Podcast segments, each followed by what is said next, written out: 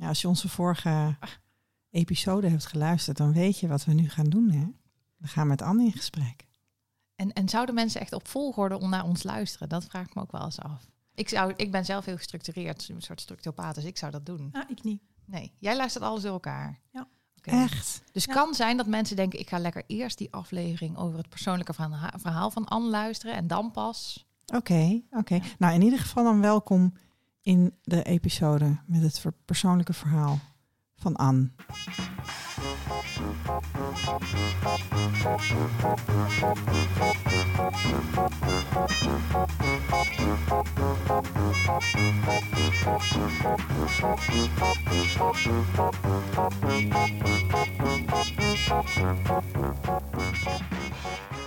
Ik zeg welkom aan Anne.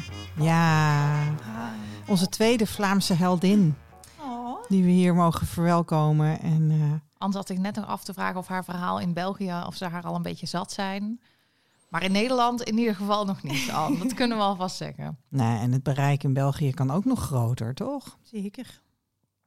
Maar ehm, ja, Anne, wij zijn natuurlijk, eh, ja, wij weten alles al stiekem, maar wij zijn toch heel benieuwd om met de luisteraars te delen ehm, wat jij allemaal mee hebt gemaakt in je, in je donorkindzoektocht. En Esther heeft altijd een hele goede vraag om van start te gaan. Ja, dat is een vraag uit, dat is, die, die ken ik uit een Nederlands tv-programma. En dat heette Rijman is laat. Dat is al heel lang niet meer op tv, maar daar, dat, een, een Rijman is Jurgen Rijman, een Surinaamse man. En die verkleden zich dan als tante S. Nou, een beetje Esther zit dan fantasie. ook altijd verkleed. Met een beetje fantasie heb ik nu ook inderdaad zo'n mooie doek op mijn hoofd eh, eh, eh, gevouwen. En tante S die ontvangt gasten. En de eerste vraag is dan altijd, wie is je vader, wie is je moeder? Ja, ehm, ik heb 24 jaar gedacht dat het gewoon als mama en als papa was. Gerda en Jeff. Ehm, Wil je nog één keer zeggen? Want Ger, Ger wat? Gerda, Gerda. Oh, zo Gerda en allemaal. Jeff. Gerda en Jeff, ja. Allee, Allee zeg. Ehm, en toen... Zwa, zwart, zegt uh, Stef zegt dan zwart. Ja, zwart. Ehm, en toen kwam ik, eh, toen ik 24 was, te weten dat ehm ons papa niet mijn biologische vader is. Dus ik heb, ook, ook, dus ik heb een vader en een biologische vader. Mhm. En mijn biologische vader heet Albert. Kijk, en, en hoe oud ben je nu, Anne? Even van hoe lang is, die, Ja, is het geleden dat je, Hmm, dat, je ben, dat ehm, hoorde? 34. Oké, dus het tien jaar geleden dit jaar dat jij hoorde dat je vader niet je biologische vader is. Ja. Wat gebeurde er? Hoe ik het te weten kwam. Ja. Ehm, ik was bij de huisarts en ik stelde vragen over ehm, genetische aandoeningen die in de familie van mijn man voorkwamen. En ik mocht absoluut geen drager zijn van dat gen. Of onze kinderen zouden niet levensvatbaar zijn. En ik grapte toen al ehm, dat dat waarschijnlijk wel niet het geval zou zijn. Want ehm, die ziekte komt meestal voor in Italië, Spanje. En ik zag mezelf niet echt Zuiderse roots hebben. Ehm, Je bent niet stiekem een eh, temperamentvolle Italiaanse. stiekem. Dacht je, dacht je. nee, dat dacht ik niet. Eh, en de volgende keer dat ik bij de huisarts kwam, heeft zij mij verteld ehm, dat ik een donorkind ben. En dat we dat dus toch eens moesten uitzoeken, hoe dat, dat zat met dat gen. En hoe wist zij dat dan? Ehm, Hoe kwam Ja, dat zo? tussen die twee bezoeken. ehm, zij was ook altijd de huisarts van mijn moeder geweest. Eh, dus zij wist het. Ehm, en zij had tussen die twee bezoeken eh, contact opgenomen met mama. Om te zeggen van, ze moet het echt weten. Ehm, maar voor mama en papa was dat te moeilijk voor hen om dat gesprek te hebben. De kat wou toch nog even iets zeggen. Kattenluik en een mouw. Ehm, dus hebben ze dan gevraagd aan de huisarts om mij het nieuws te brengen. Heb ik verder nog nooit gehoord. dat, dat hoort- ouders het aan de dokter vragen. Nee, ik hoor alleen maar dat ouders het wel heel moeilijk vinden, maar toch uiteindelijk dat ze het dan wel vertellen. Waarom hebben ze dat aan de dokter gevraagd? Ja, omdat ze het zelf niet konden. Te moeilijk. Te moeilijk. Maar ja, daarna was het dan ook natuurlijk moeilijk voor jou Ja. om misschien weer met hun daarover te beginnen, of niet? Ja, want op dat moment zat mama in de auto op mij te wachten. Je was met je moeder naar de huisarts en zij zat in de auto te wachten terwijl jij, zij wist dat jij daarboven zat en of boven. Bij, bij mij is de huisarts Ja. dus boven, jongens. Bij mij beneden. Oké. Ik Ja. had net al, eh, eh, Anne vertelde over de huisarts en in mijn hoofd was het al een man. Ja. En ineens zegt ze zij. Ik Ja. dacht, die gaat alles Ja, mis. ja, ja, ja, mooi. Ja. Allemaal aannames. Maar goed, je, je, je was dus binnen bij de huisarts en je was daar samen met je, je moeder heeft je daar naartoe gereden. Waarom? Sowieso. Omdat ik nog geen auto... Ja, dat weet ik niet meer. Oh, ja, want ik nam op mijn bijzonder? 24ste niet mijn moeder mee naar de huisarts. Nee, ze ging ook nooit meer binnen of zo. Hoor. Nee. Maar goed, Ja, dat de- weet ik niet meer hoe dat, nee. dat zo gekomen is. En, en, en, dan, en dan zit je bij de huisarts en dan zegt de huisarts tegen jou van nou, eh, we, we moeten toch verder kijken met betrekking tot dat gen, want Ja, ehm, ja het, was, het was tijdens een ander, ander onderzoek dat ze het mij eigenlijk eh, vertelde. Zo, terwijl dat ze nog zo met van alle andere dingen bezig was. Nee, toch? Ehm, ik lag zelfs nog op de onderzoekstafel toen ik begon te wenen. Ehm, Maar toch hopelijk geen onderzoek waarbij je je broek uit nee, toch? precies. Nee, we hadden het net ook al over blote konten. Ja. Ja. Echt waar? Ja. Nou, Nou, dat dat vind ik je op je echt... kwetsbaarst bent. Ja. Nou goed. Ehm, Jezus. ja, dat is akelig. Dus, Nou. zullen we er overheen stappen? Ehm, want wat gebeurde er met jou op het moment dat dat tegen jou gezegd werd? ja, dat was heel surreëel. Zo van, huh? wat zegt hij nu ineens? Allee, ja, ehm, ja, ik denk in de eerste plaats ongeloof dat ik toen voelde. Ehm ben dan terug bij haar aan, aan de tafel gaan zitten en dan... ehm, ja, ik kon toen ook op dat moment niet veel uitbrengen. Ik denk, ik was gewoon in shock. Ehm, ja. Ik weet nog dat zij heel hard beklemtoonde dat mijn ouders heel veel moeite hadden moeten doen om mij te krijgen. Hmm. Die is, voor, die is voor een donorshit bullshit, eh, donorkind bullshit bingo. Ja, ja. Die moet ook nog Ja. komen. Oh, leuk voor het evenement. Wordt aan Neem gewerkt. Wordt, al, wordt aan gewerkt. Ja. En ehm, ja, dat het, voor, dat het voor hen heel moeilijk was om erover te praten. Ehm, en ja, ik heb daar toen wel heel lang binnen gezeten, want nu lijkt het alsof dat, dat niet lang was, maar ze heeft wel lang met mij gepraat. Ehm, ja. En dan? En dan, ja, eh, eh, op dat moment dacht ik wel ergens van, ah ja. Want was jij al met... Jij, bent- jij bent getrouwd hè, met Klaas? Ja.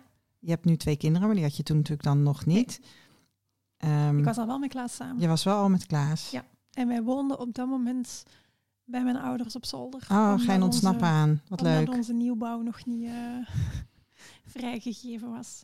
Ehm, dus ja, ergens zowel van, ah ja, dat verklaart. En ergens denk ik in de eerste instantie eh, opluchting. Dat de gevoelens die ik vroeger had, dat dat niet aan mij lag. En dat ik niet fout was, maar dat gewoon de context niet was waarin dat je normaal gezien als kind opgroeit. Of Wat, bedoel je met die gevoelens? Want jij had dus gevoelens. En die kon je plaatsen op het moment dat je hoorde dat je vader je vader niet is. Wat, wat, wat was dat voor gevoel? Ja, ik voelde mij helemaal niet. Ja, zo de vreemde eend. Ehm, altijd. Ook ja, thuis. Hmm. Als we aan tafel zaten, dat ik dan ja, het gevoel had dat ik van ergens anders kwam.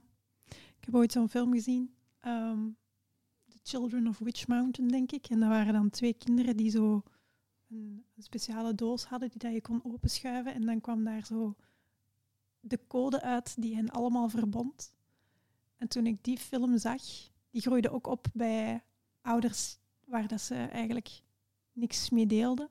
En toen ik die film zag, weet ik nog, en ik denk dat ik toen echt geweest moet zijn of zo, dat ik toen dacht van, misschien zijn er ook wel andere kinderen zoals ik en zijn die ook wel met mij verbonden en kom ik ook wel van ergens anders. Hmm. Maar ik ben enig kind en, en kon daar met niemand over praten, dus ik heb me heel alleen gevoeld. Dat is eigenlijk gek, hè? Want je krijgt dus zo'n heftige boodschap. En dan en, en, en de- de- je bent in shock. En ergens is er dus ook opluchting. En ik vind ook bijzonder als ik jou hoor, dan denk ik dat een kind van acht dus eigenlijk die eh, connecties allemaal kan maken. Hè? Dus eigenlijk, Ja, dat gevoel kan plaatsen met Ja, een, de, zo er- er bijzonder, niet toch? horen. Ja. ja.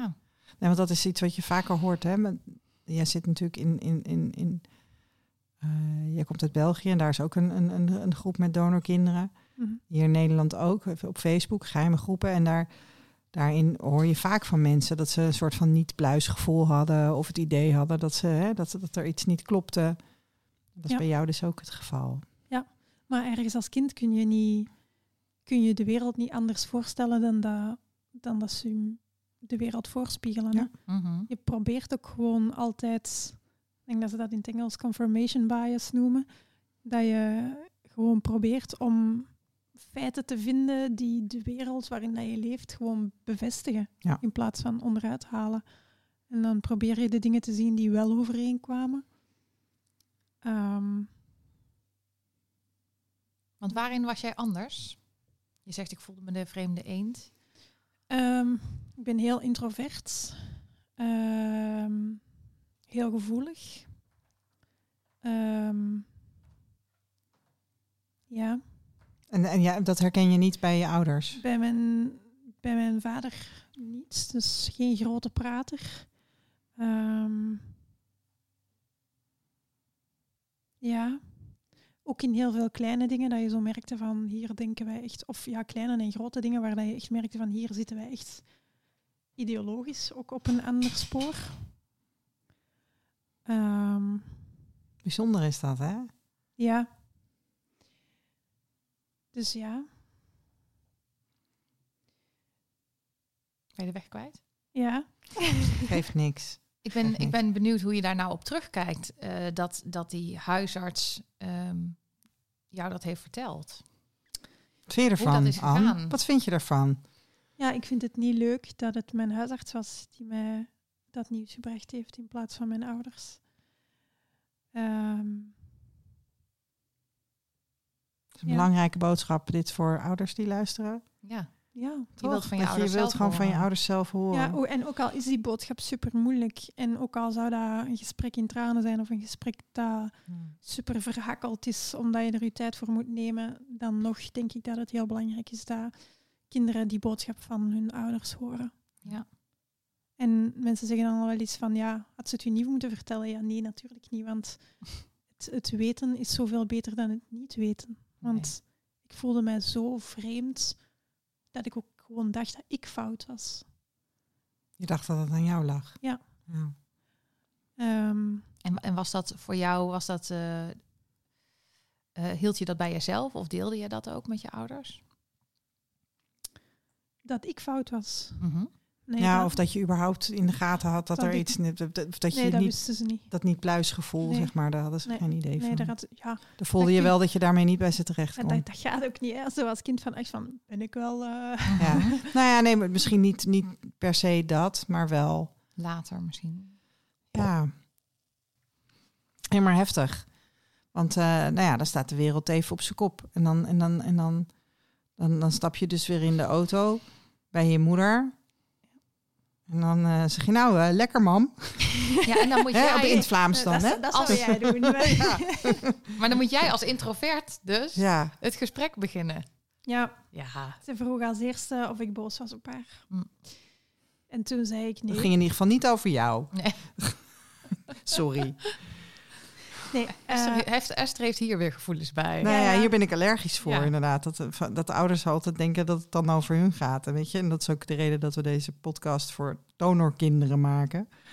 Dat het echt even over de donorkinderen gaat. Ik ben een beetje allergisch voor dat, eh, van hoe denk je dat het voor mij is en Ja. zo, weet je wel. Ja, dat, precies. eh, nou ja, dus, dus ja. dus ja, dan vroeg ze dat. En toen op dat moment was ik gewoon in shock. En kon ik niet veel uitbrengen. En eh we daar wel... Waarschijnlijk ben je ook heel lief voor haar geweest en heb je gezegd van, eh, doet er niet toe. het geeft niet. Het heeft niet Nee. en het is oké. en- Jullie zijn mijn ouders. Ja. ja. Ja. Omdat, omdat dat ook al de boodschap was die ik bij de huisarts kreeg. Ja. Ja. Eh, ja, nee. Dus, eh, Heeft de huisarts al iets gezegd over je vader, over je biologische vader? Over Nee. zoeken, vinden? Nee. Ook niet over Nee, nee. begin er niet aan? Of, eh, Ja, je- wel. Oh, Oké. Van, ja, het was anoniem Ja. toen. het Ja, was anoniem toen. ja. En eh, Ja. ja. dat ga je nooit Je gaat, hem weten. nooit, je gaat er nooit achter komen. Nee. Jan. Ja, Fuck them. Ja. En, en leeft dus ook een beetje met... Ja, ik wil toch nog die huisarts. Want ik vind die huisarts ook... Eerst dacht ik... Misschien moeten we die even bellen. Ja, maar eerst dacht ik, Het is oh, best wel goed dat die huisarts van je moeder ook jouw huisarts was. Want ik dacht, anders, ja, anders had zij dat niet geweten. Dus Nee. nu kon ze het zeggen. Ja, nu, Maar- kon ze ook die moeder, nu kon ze ook je moeder bellen Ja. en zeggen Ja. van je moet het weten. Ja. Maar ik dacht ook, ehm, net dacht ik, ja, maar het is ook een beetje een... ehm, nou, ik vind het niet een hele goede huisarts op dit gebied tot nu toe. Want leeft dus ook met jou mee? ja alleen, ja ik, ik- dat was ook de eerste keer dat zij dat meemaakte en dat nieuws moest brengen. Dus ehm, ik denk ook dat ze niet goed wist hoe dat ze dat nieuws moest brengen, hoe dat ik zou reageren. Ehm, maar ze heeft echt wel haar tijd voor mij genomen. Ehm, Heel veel tijd heeft ze genomen om jou te vertellen. Je gaat nooit vinden en je ouders hebben heel erg hun best gedaan. ja, Je was heel erg gewenst. ja. Ja. Zullen we deze podcast even doorsturen naar de huisarts? Oké, weg van de huisarts. Ik was nu. bij mijn huisarts laatst. Ja, sorry hoor. Even sidestep. Sidestep. goed? Ja. Even langer. ja. Het is dus die huisarts tegen wie ik op een gegeven moment heb gezegd van... Jij gaat nu boven in je scherm, als ik bij jou ben, Dikke. ja. schrijven dat ik donorkind ben. Omdat ik niet altijd wilde dat, wilde dat ze vroeg van of iets in de familie voorkwam. Nou ja, ik was daar nu. En eh, ik had veel pijn in mijn schouder. En toen zei, Zei ze, zei, ik vind jou er toch goed uitzien. Oh. Ja. Ze zegt, je ziet er beter uit dan... eh, nou ja, eigenlijk dan toen ik nog helemaal in mijn zoektocht verwikkeld was Oh ja. en zo. Oh ja. En dat was eigenlijk... ze- Volgens mij probeerde ze gewoon lief te zijn. Oh, kijk. Dus, eh, ehm, en, ik, en ik vond het dus eigenlijk ook gewoon wel prettig dat, ze er, dat zij er nu zomaar over begon. Terwijl ik daar. nou, je er nou kwam ik er dus een keer niet voor. Ja, ja, Nou precies. ja, ja, nee, maar goed, maar in ieder geval. eh, eh, eh, want frozen shoulder, dat is niet iets wat in de familie kan zitten. Ah! Wel? dus die vraag- Is die dat erfelijk was- bepaald? Oh my Ja. god. Hmm. Oké. Nou ja, goed. In ieder geval. ehm, eh, er- was aandacht voor. Ze Dus, deden haar eh, best. ja, ja. Ja, dat is Ja. heel goed. Ja, nou Anne. Dus toen kwam je naar buiten en toen stapte je bij je moeder in de auto. En toen heb je haar gezegd dat je heel veel van haar houdt en dat het allemaal niet geeft. En Ja. toen ging je naar huis en toen was, eh, En ja, toen ging ik naar huis, naar mijn ouderlijk huis, Ja. want daar woonden we dus. ja, Ehm, en Klaas was nog niet thuis. Ehm, en dan ja, ben ik gewoon naar het zolder gegaan en heb ik niet met mijn vader daarover gesproken, omdat de huisarts en mama zeiden dat het zo moeilijk was voor hem. voor hem. Hm. Ehm, ja, en daar compleet, jou. compleet aan voorbijgaand wat het voor mij betekent. Hè. Mhm. Ja. Ehm, toen Klaas thuis kwam, ik heb hem dan natuurlijk wel direct verteld. Ehm, Wat zei hij? dat weet ik niet meer zo goed. Nee? Zo dat hij het niet kon geloven en hij heeft mij heel hard getroost toen. Ehm, en ik weet nog dat ik het tegen een aantal collega's waarmee ik toen werkte, het ook echt de ochtend daarop verteld had. Ja. Ehm, omdat ik daar, ja, in mijn hoofd kon ik daar echt geen weg mee. Nee. Dat is zo heel je leven dat je terug begint af te lopen en te kijken van, klopt het nog? ja. Wat is er juist? Wat is er niet juist?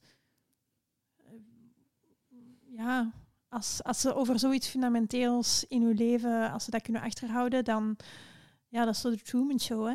ja. Mhm. Ehm, Ik vind het heel herkenbaar hoor, wat je zegt. Dat Goed je terug gaat lopen Ja. en dat je dus gaat kijken van wat klopt er. ja, of, of op welke momenten hadden ze het kunnen vertellen en hebben ze het niet verteld? Zo achteraf bekeken, eh, zo in het zesde middelbaar, als je leert over de bloedgroepen en erfelijkheid en zo, heb ik het bloedgroepenkaartje van...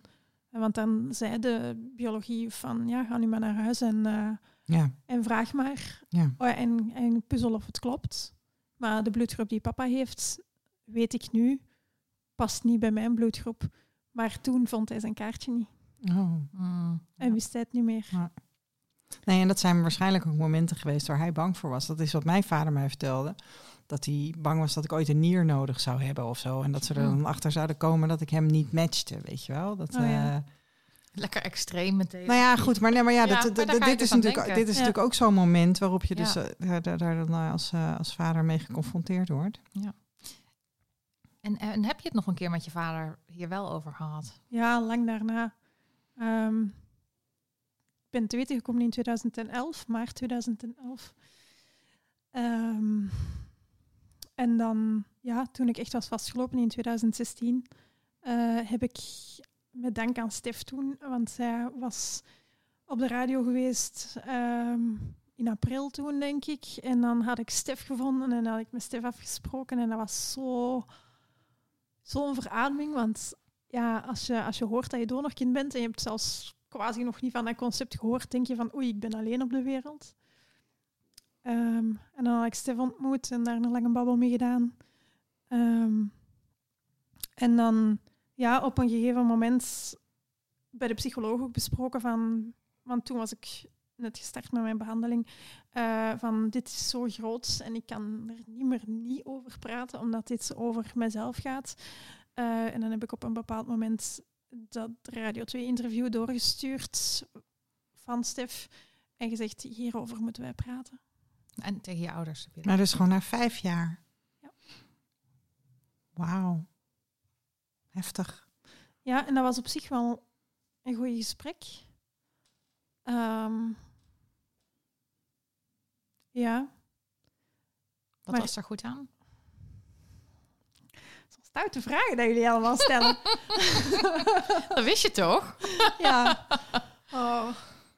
Maar je mag ook zeggen... ja, ik weet het niet. Gewoon al lekker over kon praten was ook goed. Ja, kan ik me voorstellen. En waren, eh, waren ze lief voor je? Ja, En je vader ging op zich het gesprek aan. Wat hij tot dan toe niet leek te willen eigenlijk, toch? Ja hij wist het niet dat ik het wist. Nee, jouw vader wist niet dat je het wist. Oh, wat? Oh, ik ben er weer hoor. Oh, dus jouw, jouw huisarts en jouw moeder... die hebben dat zo samen bekokstoofd... dat het beter was dat jouw vader niet zou weten dat jij dat wist. En dan tegen jou zeggen van praat er maar niet over, want het doet hem zo'n pijn. Ah. Ik zit nou wel te denken, kan jouw vader zich misschien wel in jou inleven? Want die is ook dus een jaar of vijf soort van voorgelogen, toch? Nou, dat jij het al wist. Mhm. Is dat Wat nog... eenzaam, Anne. Sorry. Ja, Ja, voor hem ook. Ja. Ja. ja, maar ook voor jou. Ja. En wat heerlijk dat je Stef hebt gevonden. nou, en En inderdaad supergoed dat je het daarmee aangezwengeld hebt ook inderdaad. Wel echt dapper. Want als je voelt dat zoiets helemaal eigenlijk not done is... en dat mensen je ook nog een, een soort schuldgevoel proberen te geven... van hé, hey, dat is echt heel moeilijk voor je vader... dan is dat wel echt dapper om dat Ja. bespreekbaar te maken. Hey, want jij, jij refereert nu ook aan dat je vastliep hè, in 2016. Mhm. En dat je therapie kreeg, startte toen. Dat is waar donorconceptie, jouw, jouw conceptie en depressie bij elkaar komen. Ik was in april 2015 bevallen van mijn jongste dochter. Ehm, en iedereen zei bij haar geboorte dat ze zo hard op mij leek. En ik had altijd, ook in mijn puberteit, nog voor ik het wist, heel veel moeite met de spiegel.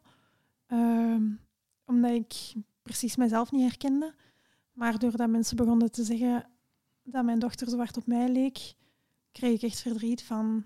Maar als zij op mij lijkt, op wie lijk ik dan? Ja. Eh, en dat was zo'n vraag en die bleef maar malen in mijn hoofd. En ik was ook heel moe. En dan ben ik, ehm, ja, toen dat zij acht maanden oud was, echt gewoon gecrashed op school, want ik geef les. En ehm, ik had een beetje een moeilijkere klas. En ik voelde dat ik het niet meer in de hand had. Want, En dat voelen zij waarschijnlijk ook en dan. dat voelde zij ook, Ja. vooral de achterste rij. Ja. Ehm, en ja, ik was uitgeput en ik voelde van, ik heb, ja, het gaat niet meer. Ehm, dan heb ik mijn tranen nog kunnen bedwingen tot de leerkrachtenkamer. Hm. En ben ik daar eh, heel erg beginnen huilen. En dan, dat was een vrijdag denk ik, en dan ben ik de week nadien naar mijn huisarts geweest, diezelfde huisarts. Ehm, en toen gezegd van, het gaat eigenlijk niet meer. En heb ik ook gezegd van, ja, Ehm, wat je mij vijf jaar geleden verteld hebt, uh, krijg, je, krijg, daar, ja, krijg daar geen grip op. Ik moet het weten, zei ik. Ja. Van, ik moet weten van, van wie dat die een andere helft komt. Ehm, en ja, een paar, dan twee weken later zat ik dan ehm, bij een hele lieve psycholoog die mij echt ja, mijn leven gered heeft eigenlijk. Ehm, en de psychiater die ehm, ja, toen op dat moment duidelijk maakte van Anja zit in een hele, hele diepe depressie. En ik had zoiets van, nee, nee, ik ga na de vakantie gewoon terug beginnen hoor. Ehm, omdat dat mijn normaal is. Mhm. Dat is hoe ik functioneer. Ehm, en ja, ik had echt anderen nodig voor te zeggen van, dit is niet meer oké. Ehm, en ben ik ook mijn medicatie gestart. Ehm, had ik ook even nodig om terug grond onder mijn voeten te krijgen. Want ik denk, ik zeg altijd, toen ik het in 2011 te weten kwam, ehm, is er precies zo'n vrije val begonnen in mijn leven, zo dat je uit een vliegtuig geduwd wordt. Ehm, en ja, ik stevende af op de grond. Mhm. Ik heb ook zelfmoordgedachten gehad. Eh, die had ik vroeger als tiener ook al. Maar het helpt niet als je dan nog eens een stuk van jezelf kwijtraakt eigenlijk. En ja, dan ben ik eigenlijk, eh, denk wekelijks naar de psycholoog geweest. Dat ik dan ehm, ook met haar daar beter over kon praten. Want ja, eerst als je naar een psycholoog gaat, is het toch altijd eerst even aftasten van... Gaat ze mij begrijpen? En, ga, oh, en ik had wel een goede band met haar, maar ergens was ik ook bang dat ze zou zeggen van, doet er toch niet toe? Ja, Mhm. maar die therapeuten zijn er ook. Ja. Mhm. Ehm, maar zij begreep mij gelukkig heel goed. Ehm, ja, en ze heeft mij daar dan een beetje doorheen geloodst. Ik ben dan van januari tot augustus thuis geweest. Heb ik geen les gegeven. Ehm, maar dan ben ik in september wel terug begonnen met lesgeven, omdat mijn... moest stoppen met nadenken. Echt gewoon omdat ik zo hard in mijn hoofd aan het ronddwalen was van... eh, ja, niet, u niet thuis voelen in uzelf. En lesgeven was, is wel iets waar, waarin ik mij thuis voel. Zoals ook eigenlijk afleiding dan. in ja, is afleiding en, en voelde ik ook van, dit is wat ik graag doe. Ja, dus dan sta je ook gewoon een beetje in je kracht. Ja, dus ofwel had ik mij toen laten opnemen, ofwel begon ik terug te werken halftijds. Ze hebben mij toen echt wel voor de keuze gesteld en gezegd van ja, als je nu niet laat opnemen en voor de korte pijn gaat, tussen aanhalingstekens, want als je opgenomen wordt is het echt wel heel intensieve therapie. Maar dat had ik op dat moment niet aangekund, ook niet. Mhm. Ehm, maar dan heb ik toen wel voor mezelf besloten van ja, oké, het gaat nog een hele lange weg zijn, maar ik wil het liever zo doen, omdat mijn kinderen toen ook nog eh, ja, één en drie waren. Ja. Ehm, en, ik, en zij waren ook mijn houvast. Dus ik zag het ook niet zitten om weken of maanden van hen weg te zijn. Eh, en toen, dat was dus september 2016, en toen las ik in oktober 2016 jouw blog. Mhm. en dan dacht ik, dit moet ook uit mijn systeem. En toen ben ik beginnen schrijven. Dat is fijn hè, schrijven. Ja, Gewoon nu, eh, ja. kan ik soms ook heel bozig in worden. Ja. Mhm. Fijn. Want in het echt, allee, ik heb heel, heel lang mijn eigen gevoelens onderdrukt. Eh, en ik Een braaf kind geweest eigenlijk. Ja, braaf kind geweest, goede cijfers gehaald. Niemand stelde zich vragen. Ehm, maar emoties vind ik nog altijd super lastig om bij mezelf te voelen van wat voel ik nu. Want het merendeel van de tijd voel ik gewoon maar leegte. Mhm. Ja, dat is verdrietig. Hè? Ik ben daar een beetje stil van aan. Ja. Ja. Maar toen ik dus in 2016 september had besloten van ja, oké, ik ga dan langer mee bezig zijn, maar kan ik het misschien wel doen op de manier, op mijn tempo en op de manier die bij mij past. En ik met mijn blog begon, zag ik dan ook net die oproep van Kat Luiten van voor het programma Vandaag over een jaar. Ja. Ehm, en dat was ook mijn manier om ja, vol te houden. En Ja, mezelf nog... Om dat vooruitzicht te hebben van, Ja. want, dat, want dat is een programma waarbij je dan nu zeg maar vertelt wat je over een jaar gerealiseerd Ja. wil hebben. Hè? Dus Dus dan, er was een opname in januari 2017 en een andere op, alleen de volgende opname was dan in januari 2018. Dus in januari 2017 ging ik daar vertellen. Ik wilde eigenlijk vertellen dat ik mijn biologische vader wilde vinden, maar dat Ja. vonden ze zo onrealistisch Hm. dat ik dan maar moest zeggen dat ik eh, mijn biologische, eh, mijn, eh, mijn halfbroers en halfzussen zag. Ehm, erg eigenlijk, hè, ook weer. Dat je dit zegt en dat je dan bekijken elkaar aan en het zegt, want dat is eigenlijk gewoon koekoek dat je dan Ja. verteld wordt dat je, nee, biologisch vader, nee. Ga je niet vinden. Nee. Allee, of dat is te Ja. onwaarschijnlijk of zo. Ja. En ze dachten dat ik meer kans had om halfbroers of halfzussen te vinden. Ja. Wat eigenlijk niet logisch is. Maar bon. dat Ehm, snapte zij toen nog niet. Nee, dus ehm, ja, toen zat ik zo meer op dat sporen van ik ga de fertiliteitsarts contacteren en vragen of dat er nog andere donorkinderen zijn Ja, en zo. Super ja. naïef. Ehm, en dan ja, heb ik mijn zoektocht eigenlijk een jaar lang bijgehouden in filmpjes waar ik eigenlijk nog altijd niks mee gedaan heb. Ik kan die eigenlijk allemaal zelf nog eens aan elkaar monteren. Dat wordt een Hm. mooie documentaire. Eh, met heel veel gehuil tussendoor. Ehm, Ja, ik vind het wel heel dapper om jou even toch te onderbreken dat jij in zo'n zwaar weer zit eigenlijk en dat jij toch en besluit te schrijven en, en filmpjes opnemen en je aanmelden voor eh, zo'n televisieprogramma. Dat is wel, eh, ja, daarmee laat je wel zien hoe kwetsbaar je bent. Want dat vind ik toch wel heel stoer. Ja, want in die eerste aflevering, in de. eh, ik heb ook echt een filmpje gemaakt waarin ik vijf minuten eerder het antwoord van de fertiliteitsarts op mijn vriendelijk verzoek gelezen had. En Klaas was toen niet thuis en ik was gewoon kapot. Ik, lag, ik zat naast de zetel en ik was super hard aan het huilen omdat hij zoiets had geschreven van uw conceptie is een mysterie en zal altijd een mysterie blijven. En dan dacht ik, ja, fuck you hè. Mhm. Allee, wie zet jij om dat over mij te bepalen? Wie zet jij dat jij dat weet over mij? En dat jij nu kunt zeggen van, ga ik het nooit weten. Ja. Ja, bizar hè. En dan zie ik ook in gedachten weer eventjes Dirk Bolt in de kelder staan bij Medisch Centrum Kinderwens in die spoorloze aflevering met Amy. Mhm. Oh, oh dus hier, eh, hier eh, staat, ja, in dit dossier eh, staat de naam van de vader van Amy. Weet je wel, Dit- zo'n arts die inderdaad gewoon op die informatie zit. Ja. Ja. Verschrikkelijk. En ik had toen ook al een DNA-test gedaan, in oktober toen. Nadat ik Stef ontmoet had. Ja. En, eh, Mhm. We begonnen toen met FTDNA, of niet? ja, Ja. ja, Ja, dat, was, dat was toen... eh, Mijn eerste Dat databank was toen het eh, advies, was FTDNA en ik kreeg daar de resultaten in november, denk ik. Eh, uiteraard niks. nee. er Ehm, testen toen ook nog niet heel veel mensen, Nee. hè? Nee. Ehm, ja, nee. En dan heb ik eh, in dat jaar nog verschillende andere DNA-testen gedaan. Ja. MyHeritage, Ancestry. Ancestry hebben we toen een keer van Els gekregen, volgens Mhm. mij. Ik weet het nog Bij mij precies. thuis, hè? En ik heb foto's gemaakt dat jij zit te spugen, Spugen. met zo'n draadje zo uit je mond. Dat zijn de charmantste foto's. Wij kennen geen Shane. Nee, Ja. zo is het. En die van 23andMe had ik van jou gekregen. Oké. Ja. En daar zaten mijn grotere matches in. Dus Kijk. dank u. Kleine moeite. Ja, grotere Ja. matches zijn er Ja. dan 90.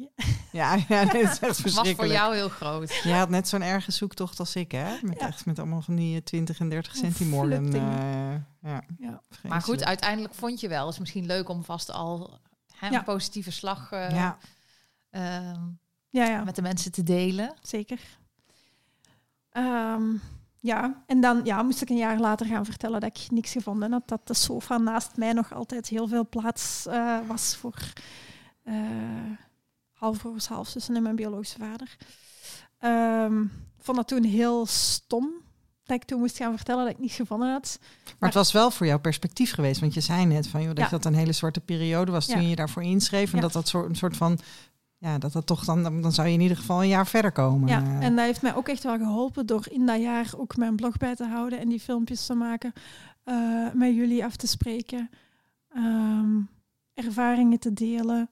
Dus ik, en ik ben ook, als je, het, als je het ziet vandaag over een jaar, dan als ik daar binnenwandel, dan zat ik eigenlijk echt in tips van mijn depressie. Eh, en je ziet dat ook aan mij. Bij die eerste opnames. Bij die je? eerste opnames, ja. En dan die, toen ik daar dan een jaar later eh, terugkwam, dat, dat is al een wereld van verschil. En dat was ook echt zo. Eh, die opnames in januari 2018, dan had ik bijna eh, het traject bij de psycholoog afgerond. dat ik weer even verder kon.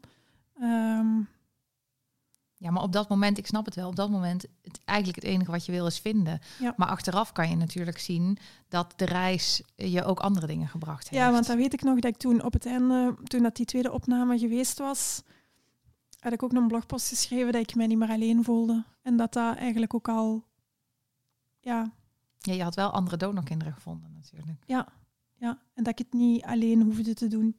En dat was al op zich, ja, een mooi resultaat. En ik had daar ook wel heel stellig gezegd met Esther in mijn hoofd.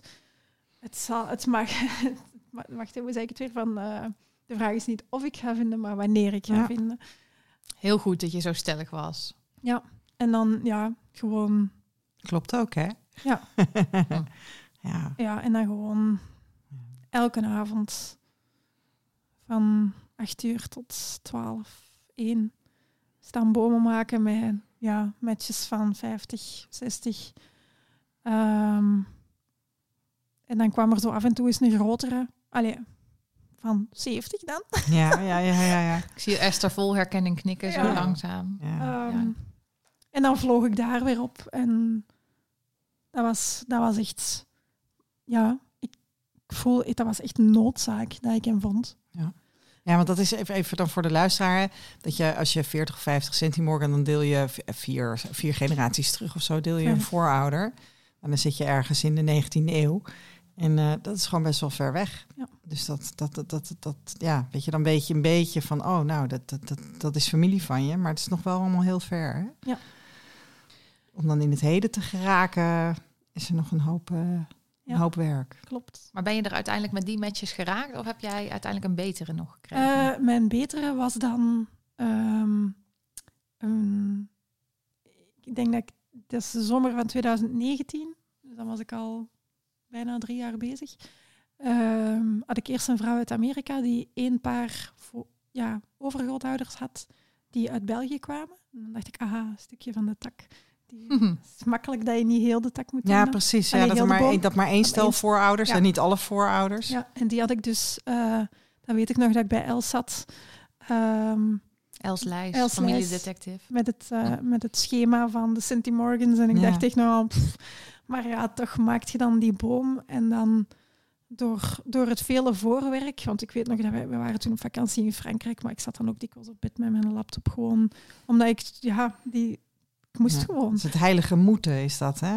Ja, Ik herken dat hoor. En, en je hebt ook mensen die zeggen van ik kan het niet altijd, hè? Dat dat in golfbewegingen ja, dat gaat. gaat. Ja, dat in golf. Ja, dat was maar als je inderdaad mij. eenmaal op zo, als je eenmaal op zo'n golf zit, dan, eh, ja, dan ik, ik was ook niet te stoppen. En Ja. ook niet aanspreekbaar voor mijn gezin. Ik weet niet hoe dat Nee, voor jou ja. was, maar Ja. als je een bent, dan kun je dus niet met mensen praten. Nee, hè? dat wilde ik net, net vragen inderdaad. Want er was iemand en die ging er eventjes vanuit dat Klaas ook een donorkind was. En die vroeg hoe dat eh, effect had op jullie relatie en de gezinsdynamiek. Maar Klaas is geen donorkind, hè? Nee, Klaas is geen donorkind. Ehm, zijn vader heeft wel ooit gedoneerd. Ehm, Dus daar was diegene mee in de war. Maar ik vind het wel Klaas staat in een databank, toch? Ja. om, Dus als, eh, kijk, om als te vragen van, testen. hoe heeft dit, dit zoeken en, en eh, ja, dat kan me voorstellen als jij op vakantie achter je laptop zit, dat, eh, dat, jou, dat dat je gezinsdynamiek beïnvloedt inderdaad. Klaas heeft heel veel geduld gehad met mij. Ehm, maar die, is, die heeft mij ook door alles doorzien gaan. Van te weten komen, vijf jaar het wegstoppen, dan de depressie. Dus die had denk ik ook wel iets van, oké, ze kan nu iets doen waar dat ze zich aan kan vasthouden. En vaak nu kan hij zich, als er zoiets in de media gebeurt, maakt hij zich vaak nog bozer dan ik al boos zit te zijn als wij zo naar een, naar een tv-programma kijken of zo. Dus hij is echt wel helemaal mee. Dat is fijn, hè? Ja. Ja, dat is heel fijn. Ook inderdaad dat je partner... Zo, ik merk dat ook aan mij, die dan soms het nieuws hoort en zegt van... nou, dat kan toch niet? Nee, Ja. heerlijk Ja, dat. dat- ja, Ja, Dat, je- dat je niet zelf eh, op de bres hoeft te springen, maar dat iemand anders dat gewoon al begrijpt. ja, Ja. ja. en gewoon al dat iemand anders dat dan uitdrukt wat Ja. je zelf voelt. Dat is wel heel fijn. Ja. Ik denk niet dat ik het had gekund als, als een partner er niet zou, niet zou achterstaan of niet zou begrijpen waarom het zo belangrijk was voor mij.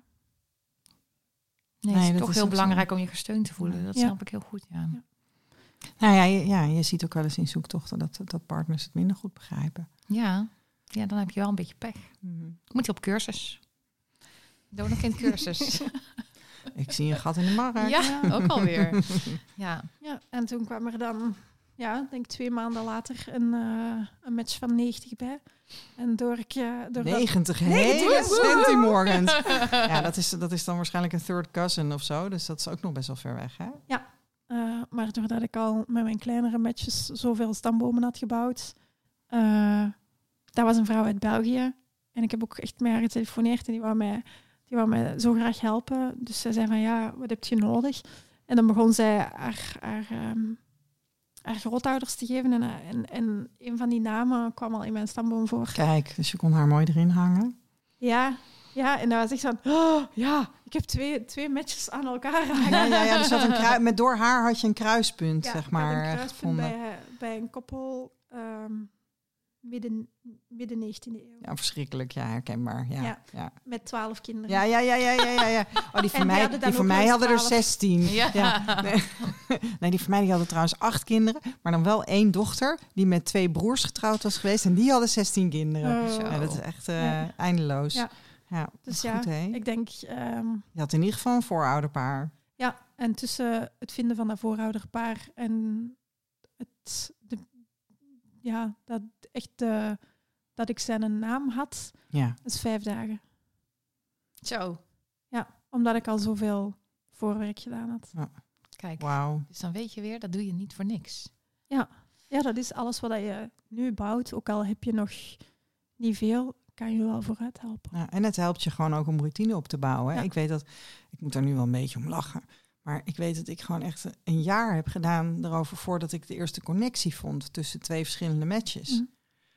Maar ja, toen had ik wel mijn moedersboom helemaal uitgebouwd. En weet je wel, dus ik, ja, op een gegeven moment krijg je de routine. Ja. En achteraf denk ik, jeetje, een jaar. Ik bedoel, als ik nu mensen help zoeken, dan, is dat, dan, dan gebeurt dat vaak op de eerste avond al, weet Ja. je wel. dus. Maar goed, ehm, met die kleine matches, dan eh, is dat toch wat ingewikkelder. Jullie hebben heel veel eh, oefen, eh, oefening gehad. Ja. Ja, Ja. Ja. en dan ja, was ik ook echt aan het... Dan, dan heb ik echt dag en nacht doorgewerkt. ja. Dan, dan voelde ik van, oké, ik heb het kruispunt gevonden. Nu moet hem gewoon hieronder Ja. hangen. En ben je, dan, ben je dan op zoek gegaan naar weer lagere kruispunten? Hoe ben je, hoe ben je uiteindelijk bij, eh, bij Albert terechtgekomen? Want je hebt zijn naam al genoemd, hè? Ja, ja. Nou, eh, Mhm. Ja, eh, hoe heb je dat weer gedaan? Je moet even graven in Even vijf dagen, Ja. even samenvatten in eh, En- drie minuten. Ja, ik ben gewoon ehm, dan aan het kijken geweest waar dat de andere DNA-matches dan nog konden ja. aanhangen. En Ja. dan was het inderdaad naar lagere eh, kruispunten. Mm. En dan ehm, ja, bij een aantal takken terechtgekomen die daar ehm, rond het Brussels eh, zich situeerden. ja, dus op de juiste plek. Dat is ook altijd een, eh, Ja. een, een goede hint. En dan ben ik gewoon op achternaam beginnen googelen. Oké. En ehm, ik heb ook door de stambomen die dat al in MyHeritage en ehm, ja, wat is dat zo, Genianet eh zitten, had ik ook al wel veel informatie via anderen dan Ja. ehm, gevonden. En dan had ik een foto gevonden van eh, degene die dan mijn biologische grootvader bleek te zijn. En toen Ja. ik die foto zag, dat was echt bliksem die dat zo insloeg. Dat ik echt dacht van wow, daar lijk ik op. Mogen we die op, eh, op, op, eh, op onze Insta zetten? Ja, Je hebt hem laatst zelf ook gedeeld, hè? ja dat was de eerste keer. Ja, inderdaad. Dat is wel Mooi. leuk, eh, Ja. inderdaad. Ja. Want, want, want jij zei daar straks al van eh, dat je moeite had met spiegel. Ja. Wat gebeurt er dan op het moment dat je een foto ziet van eh, je Ja, ik- opa? kon dat niet, ik kon dat niet goed, goed geloven. Alleen dat, dat, dat ik mezelf zo goed kon herkennen in iemand, dat was zo nieuw voor mij. Terwijl je jezelf niet eens goed in de spiegel herkende, bedoel Ja, je eigenlijk. ja, Ja, ja. snap ik, ja. En dan, ja, dan eh, die, die man had eh, twee dochters en één zoon. En dan Lucky. ja, ook een beetje via Facebook beginnen zoeken. En, en dan mensen die op zijn, op zijn, eh, zijn post gereageerd hadden. En dan zo proberen de stamboom verder Ja. rond te krijgen. En dan eh, ben ik eigenlijk ja, vanuit die grootvader dan ook zo nog... Ja, ik moest zo twee, twee stukken aan elkaar krijgen van de, van de stamboom. Omdat ik zo met die achter... Ik had gegoogeld op die achternaam in die regio en was ik zo een apart boompje begonnen en dat moest daar dan ergens aan hangen. Eh, en dan heb ik een, ehm, eh, een kennis die arch- archivaris is eh, kunnen inschakelen. Ja. Ja. En zij heeft dan ehm, de krant van Oostende, want die familie is afkomstig eh, van de kust, maar zijn dan naar Brussel verhuisd. eh, had zij het, eh, ja, een krantenartikel, allee, een, of het uittreksel van de krant gevonden, waar dat ehm, de geboorte van mijn grootvader werd aangekondigd. En daarmee was zij gekoppeld aan ja, het ouderpaar daarboven. Ja.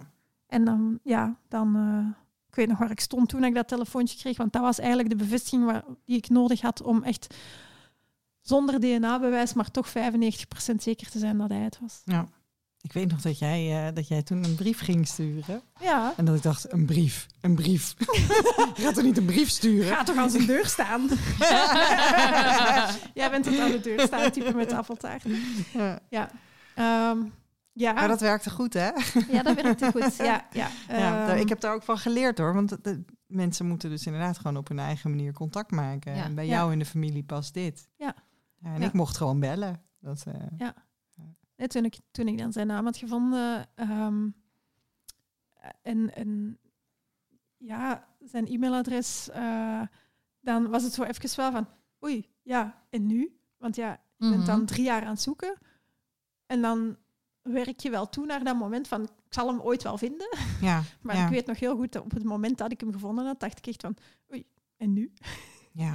Ehm, Snap ik heel goed. Je zit gewoon in die zoekstand. En je, Ja. je wil ook niet te veel hopen van dat je hem morgen vindt, bij wijze van Nee. spreken. Ja. Ja, maar het wordt ook natuurlijk gewoon griezelig, hè? Ja.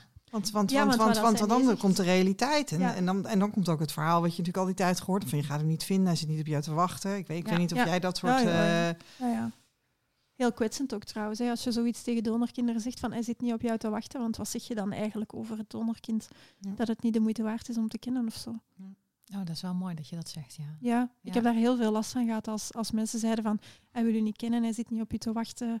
Ehm, dat ik dan zo dacht van, maar ben ik dan niet de moeite waard om Mhm. gekend te worden? Terwijl die mensen weten helemaal niks, want die kennen hem helemaal niet. Nee, ik wilde het gewoon van hemzelf horen. Dat hij, zelfs al zou hij niet, zelfs al zou hij geen contact willen, dan zou ik het echt gewoon van hemzelf willen horen. Dat, dat, hij, geen, ja, dat hij geen interesse heeft of zo. Ja, Of dat het nu niet in zijn leven past.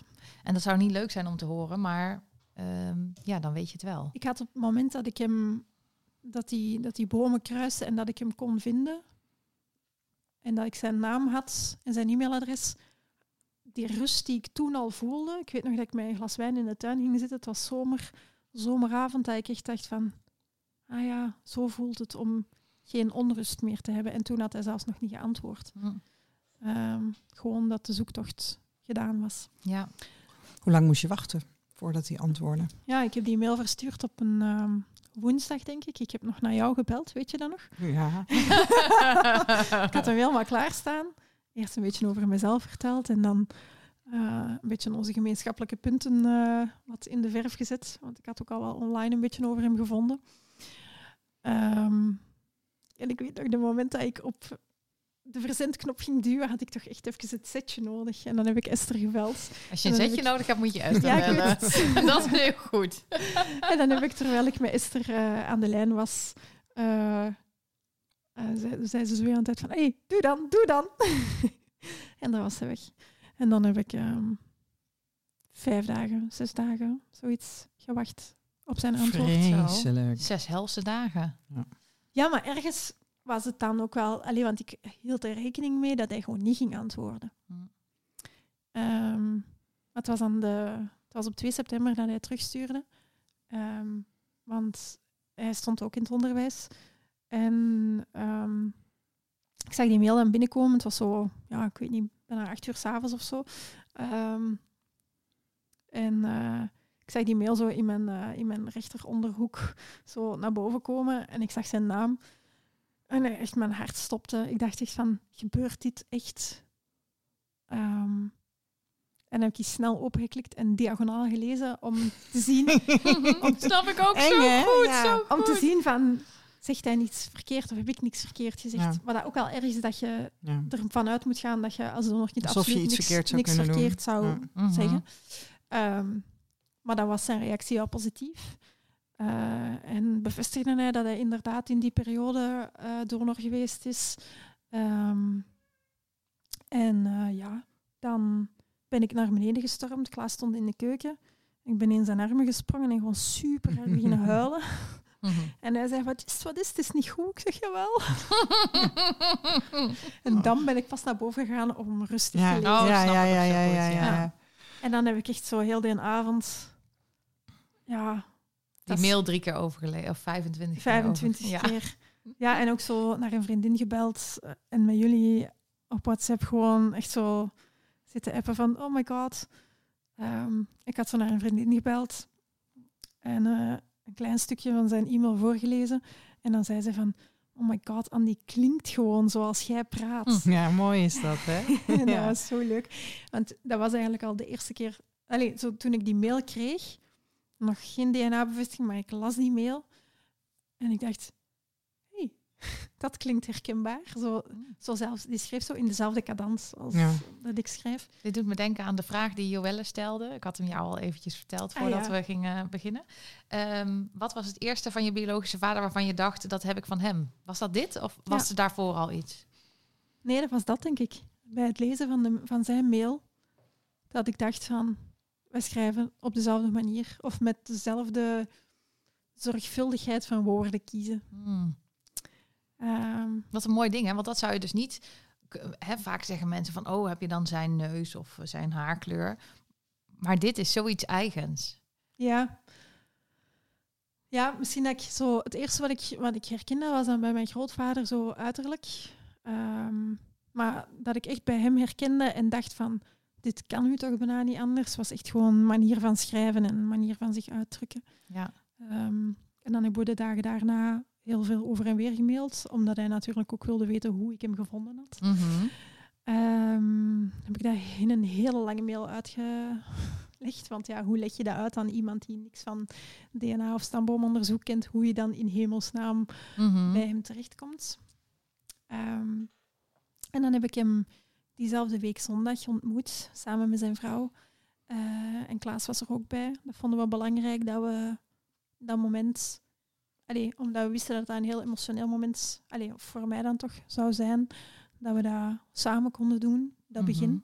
Want ik voelde wel... Allee, hij was verrast dat ik hem gevonden had. Zeker wel, want hij had daar niet meer aan gedacht dat het, dat het zou kunnen. Ehm, zijn vrouw had wel gezegd van ja, dat, dat gaat dat gaat ooit nog wel eens gebeuren. Mhm.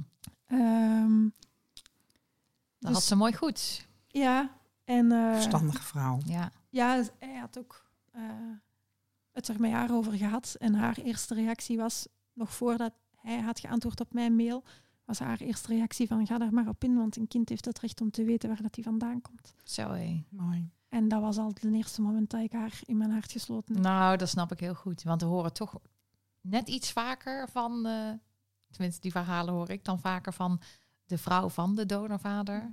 Die het vooral moeilijk vinden. Hè? En die dat recht niet meteen erkennen. Ik denk dat er een groot verschil is of dat iemand weet of die persoon gedoneerd heeft of niet. Ja. Mhm. Ehm, het, is ook zijn tweede vrouw, dus ehm, het is niet de vrouw. Het gaat niet over haar of haar gezin. Ja. Of, Nee, eh, het is niet ja. de moeder van zijn kinderen. Nee. Van zijn wettige kinderen. Ja. Sorry, excuus. Ja. Eh, dus ja, en die ontmoeting, dat was, dat was op een ja, zondagnamiddag. Ehm, ja, in een restaurantje. Eh, ja, ik weet nog heel goed dat ik toen binnenkwam en dat ik hem zag staan. Hij, allee, ze, zaten, ze zaten achteraan aan een tafeltje en hij stond daar recht. En hij, hij, stond, ja, hij stond recht en hij deed zo zijn armen open. Ehm, Hmm. Ja, mocht je meteen knuffelen? Ja, ik, ik weet het niet meer goed hoe dat we het Mhm. gedaan hebben. Ja, ik- het is gewoon een heel verlegen hallo. En dan zo, ja, zo. Dat is heel raar, hè, want... Lekker een want, beetje ongemakkelijk. Ja, Mhm. want, want je weet, je, je kunt je dat op voorhand gewoon niet voorstellen hoe dat, dat gaat zijn om iemand te ontmoeten die, waarmee dat je de helft van je DNA deelt, maar die dat je nog nooit ontmoet hebt, maar die wel je biologische vader is. Mhm. Ja, Dat is gewoon heel erg gek. Ja. Ehm, dat En- is het ook. ja. Maar ja, dat voelde direct vertrouwd. Hoewel ik, ja, ik was super zenuwachtig toen dat we daar naartoe reden.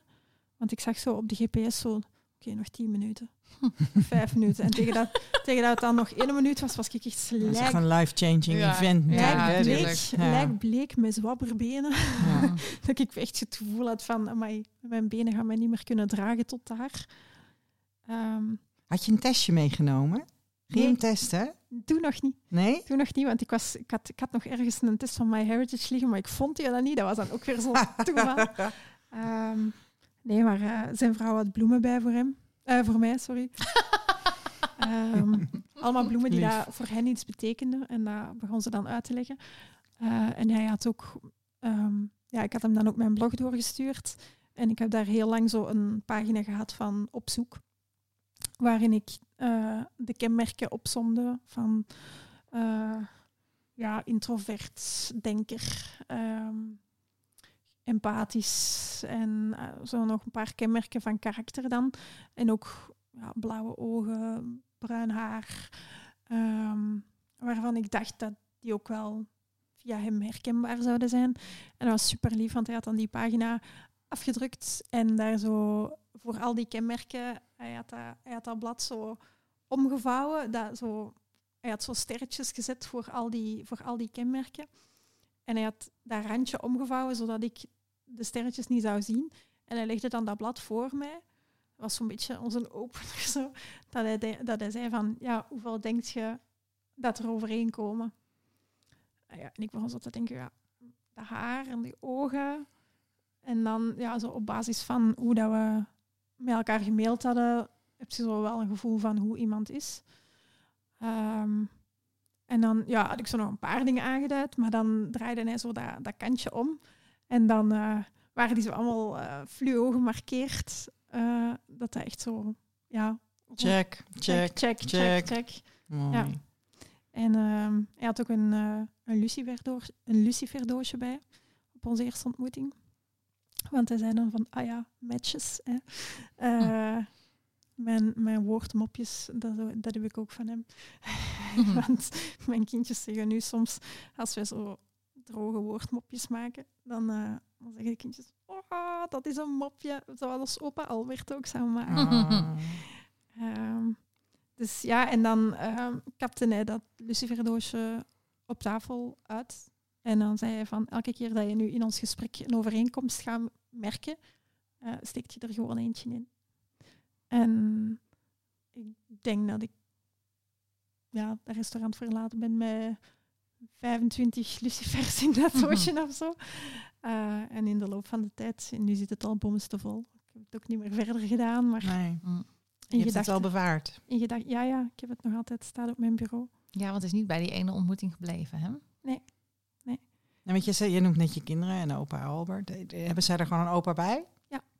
Dat zeggen ze ook. Ehm, we hebben drie opa's. Zo simpel kan het Dat zijn. kan hè? dus gewoon, hè? Ja. Ja. En hoe, hoe is dat contact nu? Heel fijn. Ehm, ik kan hem altijd bellen als ik hem nodig heb. Of als ik ehm, met een dilemma zit waar ik over eh, moet nadenken, dan eh, bel ik eventjes naar hem om te vragen hoe dat hij erover denkt. En meestal is dat dan een bevestiging hoe dat ik erover denk. Ehm, nee, we hebben een heel fijn contact. Eh, ik heb ook met zijn vrouw en eh, de kinderen van zijn vrouw, die dus niet zijn biologische kinderen zijn, maar wel mede door hem zijn opgevoed. Ehm, ook een heel fijn contact. Ik heb zijn twee zussen al ontmoet. Eh, zijn mijn- Tantes. zijn mijn tantes. Mhm. Ja, die geven de beste dikke knuffels ter wereld. Oh, heerlijk. Ja, het is echt zo. Ehm, dus ja, het is, het is voor mij heb ik er eh, ja, een stuk familie bij. Mooi. Ja. Hey, en en ehm, hoe ervaarde jij dat toen je hem dan vond? Hè? Want wat, er vaak, wat we vaak zeggen is dat er dan een soort van nieuwe zoektocht komt. Want dan heb je hem gevonden. hè. En dan, nou ja, dat is dan in jouw geval ook gewoon een aardige kerel. Mhm. En, en, en je mag iets van hem. Je, je, ja, je mag er zijn. En, en, en hoe, hoe, hoe was dat voor jou? Want ze zeggen vaak dat is een nieuwe zoektocht. Naar hoe, hoe, hoe geef je dat dan vorm? Hoe, hoe hebben jullie dat gedaan? Ehm, ja, ik heb natuurlijk eerst een DNA-test gedaan. Mhm. Heel verstandig. Ja, maar je had hem wel dus al ontmoet voor de DNA-test. Dat is Ja. ook wel eh, Ehm, risicootje. Ja, dat is waar. Maar gelukkig was goed wel, uitgepakt. was wel ons heel, heel zeker. Ja. Ja. Omdat je zo goed Kan heel goed stamboom Ja, precies. ja, ja. stamboomkoningin. Ja, en, en ja, en dat iemand dan ook gedoneerd heeft bij die dokter, weet Ja, je. Dus precies. eh, ja. Ja. Maar dan nog is het altijd verstandig natuurlijk. Ja, om, we hebben, eh, dan twee dagen, we hebben dan eh, twee dagen later afgesproken voor de MyHeritage. En de ene via dnatesten.be.nl. Oké, eh, waar dat je zo'n snelle vader-kind ja.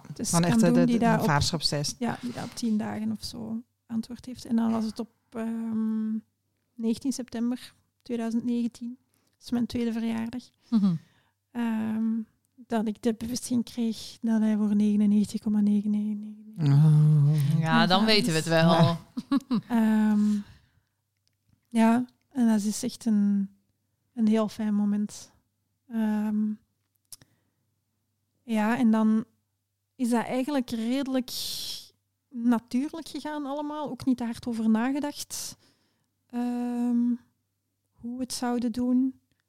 Ehm hij wilde dan ook wel mijn kinderen ontmoeten. Ehm, en ik heb, ben, ik heb dan eh, zijn, dus de kinderen van zijn tweede vrouw ontmoet. Hij heeft het dan ook aan zijn drie kinderen verteld. En zij wisten niet dat hij gedoneerd had. Dus dat was wel even moeilijk voor hen. Ehm, ik wist ook dat ik, ik... Ik wil wel graag contact met hen. Maar het is ook moeilijk voor hen en voor hem. En ik ben, dat heb ik ook van hem, dat ik altijd met iedereen probeer rekening te Ja. houden. Mhm. Heel heel even ehm, dat, het, dat, het, dat het ingewikkeld is, zeg maar. Dat heeft niet direct met jou te maken, maar gewoon al met hun, met hun relatie met hun vader, toch? Ja. Dat, op zich niks met mij te maken. Nee. Nee, maar gewoon van, ja, is dan gescheiden van hun moeder en dan Ja. ja. gaan leven ze uit elkaar en dan komt daar plots een, een donorkind uit de lucht vallen. En, ehm, maar ik ben wel heel blij dat mijn, dat mijn zus dan zich een, denk, ze heeft ja, een jaar, eh, een jaar later toch een mailtje gestuurd had. Ehm, dat ze dat ze mij toch eens graag zou ontmoeten. Dat is ze nieuwsgierig naar jou. Ja, Ja. eh, en ja, we hebben dat dan we hebben elkaar dan ontmoet. Het was toen ja, volle coronatijd, dus we hadden ergens buiten afgesproken. Het was gietende regen. We hebben dan zo in een kerkportaal zo geschuild en gebabbeld. Ehm, en dat was heel fijn. Ik heb nu ook een, een goede contact met haar. En zij zegt ook, ja, mijn broers denken daar anders over. Ehm, ja, dat is jammer voor hun, zegt ze dan. Eh, ik vind dat ook wel jammer dat ik hen nog niet gezien heb of niet ontmoet of niet in de nabije toekomst daar zicht op heb, omdat dat ergens ook wel... Ik weet dat dat niet over mij gaat, maar je voelt wel ergens zo... Het is even goed niet leuk. Ja, het is even goed niet leuk, omdat je een beetje... Ja, gene- genegeert niet, want ik laat hen ook gerust. Allee, ik stuur hen geen berichten of ik volg hen niet of zo. Allee, eh, ik weet gewoon dat ze er zijn en dat ze hun eigen leven hebben. Ehm, Voel je dan toch een beetje afgewezen? Ja, op een gekke manier wel, denk ik. Ehm, ja.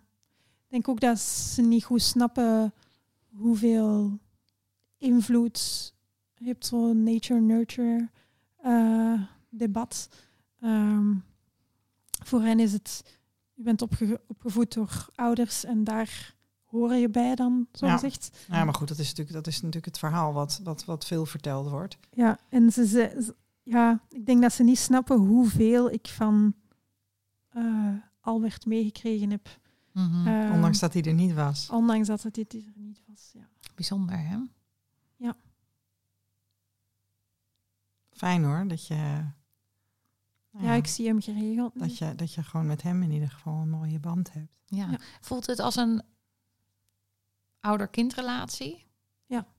Heb je er een ouder bij? Ja. Ja. Want ik hoor jou net zeggen inderdaad van... ja, als ik dan eigenlijk als je advies Ja. wil, weet je dat je hem belt. Dilemma's Ja, komen bij Albert terecht. Ja, dus echt een ouder erbij. Ja. En, en zijn vrouw voelt eigenlijk ook als een... Allee, als een... Ja. is ook familie. Ook familie, Ja. Ja. Ja. Nou, mooi. Nou, dat is echt wel fijn, ja. Ik wilde net nog iets vragen, maar ik ben het eventjes kwijt. Oh. Over Albert. Hmm. Oh nee, ja, ik dacht voor mensen die zitten te luisteren en die denken, ja, maar misschien is Anne wel mijn zus. Die willen natuurlijk graag weten welk jaar je verwekt bent geboren, welke kliniek, Welke dokter? Ja. welke dokter, eh, dat soort dingen. Eh, ik ben verwekt in een privépraktijk in Brussel. Ehm, eh, in het jaar 87. En Albert heeft niet lang gedoneerd. Dus er zullen er denk ik nog wel zijn. Maar ik weet niet of het er veel zullen zijn. Heb je nog contact gehad met de dokter nadat je Albert gevonden hebt? Want hij, je hebt dus voordat je, toen je aan het begin van je zoektocht heb je contact met hem gezocht. Heb je hem ook gemeld van, nou, ik, ik, ik heb hem gevonden, ik weet wie het is. Dat Vertel me, dan, vertel me dan nu maar hoeveel kinderen er zijn. Ja, Nee. want hij zei tegen jou, het blijft altijd een mysterie. Maar Ja. hij Nou, eh, heeft ik steek, ik steek even mijn middelvinger op. Ja. Ja. Of misschien heb ik het hem wel laten weten, ik weet het niet meer goed. Maar zeker niet de vraag gesteld van of dat er nog zijn. Nou goed, kom je ook uit een privé, privékliniek in Brussel. Heb je de naam van de arts nou gezegd? Eh Dr. Beck. Dokter Beck. Ah, nee. allee, als je moeder daar ook geweest is, dan... eh, nou, ik zou zeggen, doe een DNA-testje. Ja, Hè, want Anne, die wacht op zich nog wel op een broer, leuke broer en Anne staat overal in. Ja. Dus eh, je kunt gewoon eh My Heritage doen of zo. Of Ancestry. Mag je zelf 23 weten. Ja. Ja hoor. Nou, bedankt. Zelfs FTDNA. Nou, die, die koopt echt bijna niemand Nee. meer. Dat is echt een beetje uit de tijd. Ja. Hey Anne, ehm, ja, wij zeiden eerder eh, van, hebben we het gehad over de link tussen het donorkind zijn en die depressie. Kan je daar iets, zit daar, is, is dat aan elkaar te linken of hoe zie jij dat? Eh, dat vind ik zelf een heel moeilijke vraag. Ik heb dat altijd zelf redelijk hard uit elkaar gehouden. Zo mijn depressie en het donorkind zijn. Ik heb ook in mijn boek dat ik over depressie geschreven heb, nooit vermeld dat ik donorkind Nee, ben. dat viel mij op inderdaad. Ja. Ja. dat is omdat ik ook de schuld niet op het donorkind gegeven wilde steken. Eh, want niet alle donorkinderen maken een depressie door. En ehm, het omgekeerde geldt ook niet. Dat iemand met een depressie altijd per se donorkind is. Dus ik wilde toen iets schrijven waar iedereen zich in kon herkennen, los van het donorkind zijn. Maar ik denk dat het wel een rol gespeeld heeft, omdat ik mijn emoties heel lang onderdrukt heb. Ehm, een beetje probeerde te passen in het plaatje. Eh, hoewel je dan voelt van ik ben de vreemde eend in de bijt, eh, probeer je toch jezelf aan te passen aan je omgeving en toch gewoon flink te zijn, Mhm. eh, zonder daarbij rekening te houden met je eigen buikgevoel. Want dat Mhm. is wel iets wat ik nu geleerd heb, dat mijn buikgevoel klopt. Ehm, omdat ik het vroeger ook zo aanvoelde alsof er iets niet klopte, ehm, maar dat gewoon altijd wegstak, omdat je gewoon denkt van, ah, mijn ouders zijn mijn ouders, ehm, heb ik eigenlijk ook gewoon al mijn gevoelens uitgeschakeld. Omdat je niet ingaat op je buikgevoel of je buikgevoel precies niet kunt vertrouwen, omdat het toch duidelijk is wie je Mhm. ouders zijn, denk je.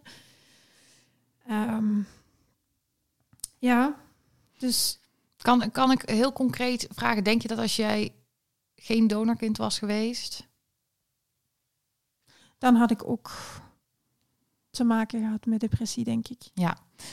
Want Maar- dat heeft, depressie is- heeft veel verschillende oorzaken die dan samenkomen. Maar donorkind zijn is er bij mij één van. Ja. Het, het heeft wel echt jou in je. ehm, het was misschien. eh, het is misschien iets met een emmer en druppels. En dat, Ja. dat donorkind zijn ook in, in een, eh, een van die druppels is, zeg Ja. maar. Dat ik al niet goed wist wie ik was of wat ik voelde. En dan dat ook niet kon zien bij mijn ouders. Of dat niet weerspiegeld zag bij mijn ouders. Was ik mezelf daarin kwijt. Eh, dat had misschien geholpen, maar dan nog zat... Ja, ik zeg altijd, het donker zit altijd een beetje in mij. Mhm. En Herken je dat van je moeder of je vader? Ehm, de, mijn biologische grootmoeder langs vaderskant heeft het ook vaker moeilijk gehad. Ehm, dus er is daar ook wel een, een genetisch aspect in die depressie, die Ja. ik dan via mijn biologische vader heb doorgekregen. Ja. Hey, en Anne, nou heb jij eh, al iets verteld over jouw depressieve gevoelens en ook gevoelens over zelfdoding. Nou zitten er misschien wel mensen te luisteren die, daar ook mee te maken hebben. Ehm, nou, dus mensen kunnen natuurlijk jouw boek lezen om herkenning te eh, eh, krijgen, maar ehm, stel dat mensen zich nou getriggerd voelen hè, door wat wij bespreken hier. Heb je daar nog een soort eh, tip of advies voor? Ik denk dat het heel belangrijk is om daar niet alleen mee te blijven. Want van zodra je depressieve gedachten of eh, depressieve gevoelens of met zelfmoordgedachten kampt, is het heel belangrijk om daar hulp bij te zoeken. En eh, in Nederland kan je bellen naar 0800 113 ja. en in Vlaanderen naar 1813. Ehm, Nou, er belt al iemand. Nee, grapje. nou, fijn. eh, ja, goed dat je dat even benoemt. Want ja, ik kan me voorstellen dat eh, mensen zich misschien herkennen in jouw verhaal. ja, en triggers zitten soms ook in kleine dingen. Dus ik denk dat het wel belangrijk is om daarop te wijzen. Om eh, goed voor jezelf te zorgen ook. Ja. Ehm, nou vroeg ik me ook nog af. Ik ben heel even de vraag natuurlijk kwijt. Ja, jouw, Oh ja. Vraag, jouw vraag en Ja. de vraag van velen. Hoe voelt het dan om Ja. gevonden te zijn? Want het is zoiets... eh, voor mij is dat echt een voor en een na in mijn leven. eh, Van hem gevonden te hebben. Ehm, en ik heb daar ooit eens een stukje over geschreven. En als het goed is, wil ik dat wel even voorlezen. Dat mag alleen als je je microfoon dichter bij je mondje zet. Wat verdriet bos. Ja, en dan goed Anders erin blijven praten, dat is spannend. Ja. Het is zuurstof. Het is grond onder mijn voeten. Het zijn de wortels van mijn boom. Het is een spiegelbeeld dat teruglacht. Het is de manier waarop wij pannenkoeken snijden. Het is rust en berusting. Het is iets met de appel en de boom. Het is herkenning. Het is als mist die langzaam optrekt. Het is gewoon zijn en niets moeten. Het is alsof hij er altijd al was. Het is verdriet omdat dat niet was. Het is samen zoeken wie we voor elkaar mogen zijn. Het is de zon die opkomt. Het is zoveel meer dan ik ooit had durven hopen. Het is niet alleen de kers op de taart, maar het bleek ook nog de boter en de bloem. Het was geen einde, maar een begin. Mooi. Hey, en Anne, ja, mooi. Applaus, applaus. Hey, deze staat ook op jouw blog. Ja, is misschien nog even leuk om te zeggen waar mensen jou kunnen vinden. Of het staat ook in de show notes natuurlijk. Maar Ja, daar, hebben we, daar hebben we een linkje op Aan gaat op zoek.be. Aan Anne gaat op zoek. Anne, heel erg bedankt voor het delen. Mochten er vragen zijn, mensen kunnen bij jou zelf terecht. Maar als jullie ze bij ons eh, stellen, als je Anne zelf niet kan vinden, dan sturen wij alles door. Ik ben tamelijk vindbaar. Dus, eh, Nou, ga maar op zoek naar Anne. Anne Ja. hoeft zelf niet meer op zoek. Nee. nu is het Anne ging op zoek, maar ik laat het gewoon zo. Nou, goed zo. Dankjewel, Anne.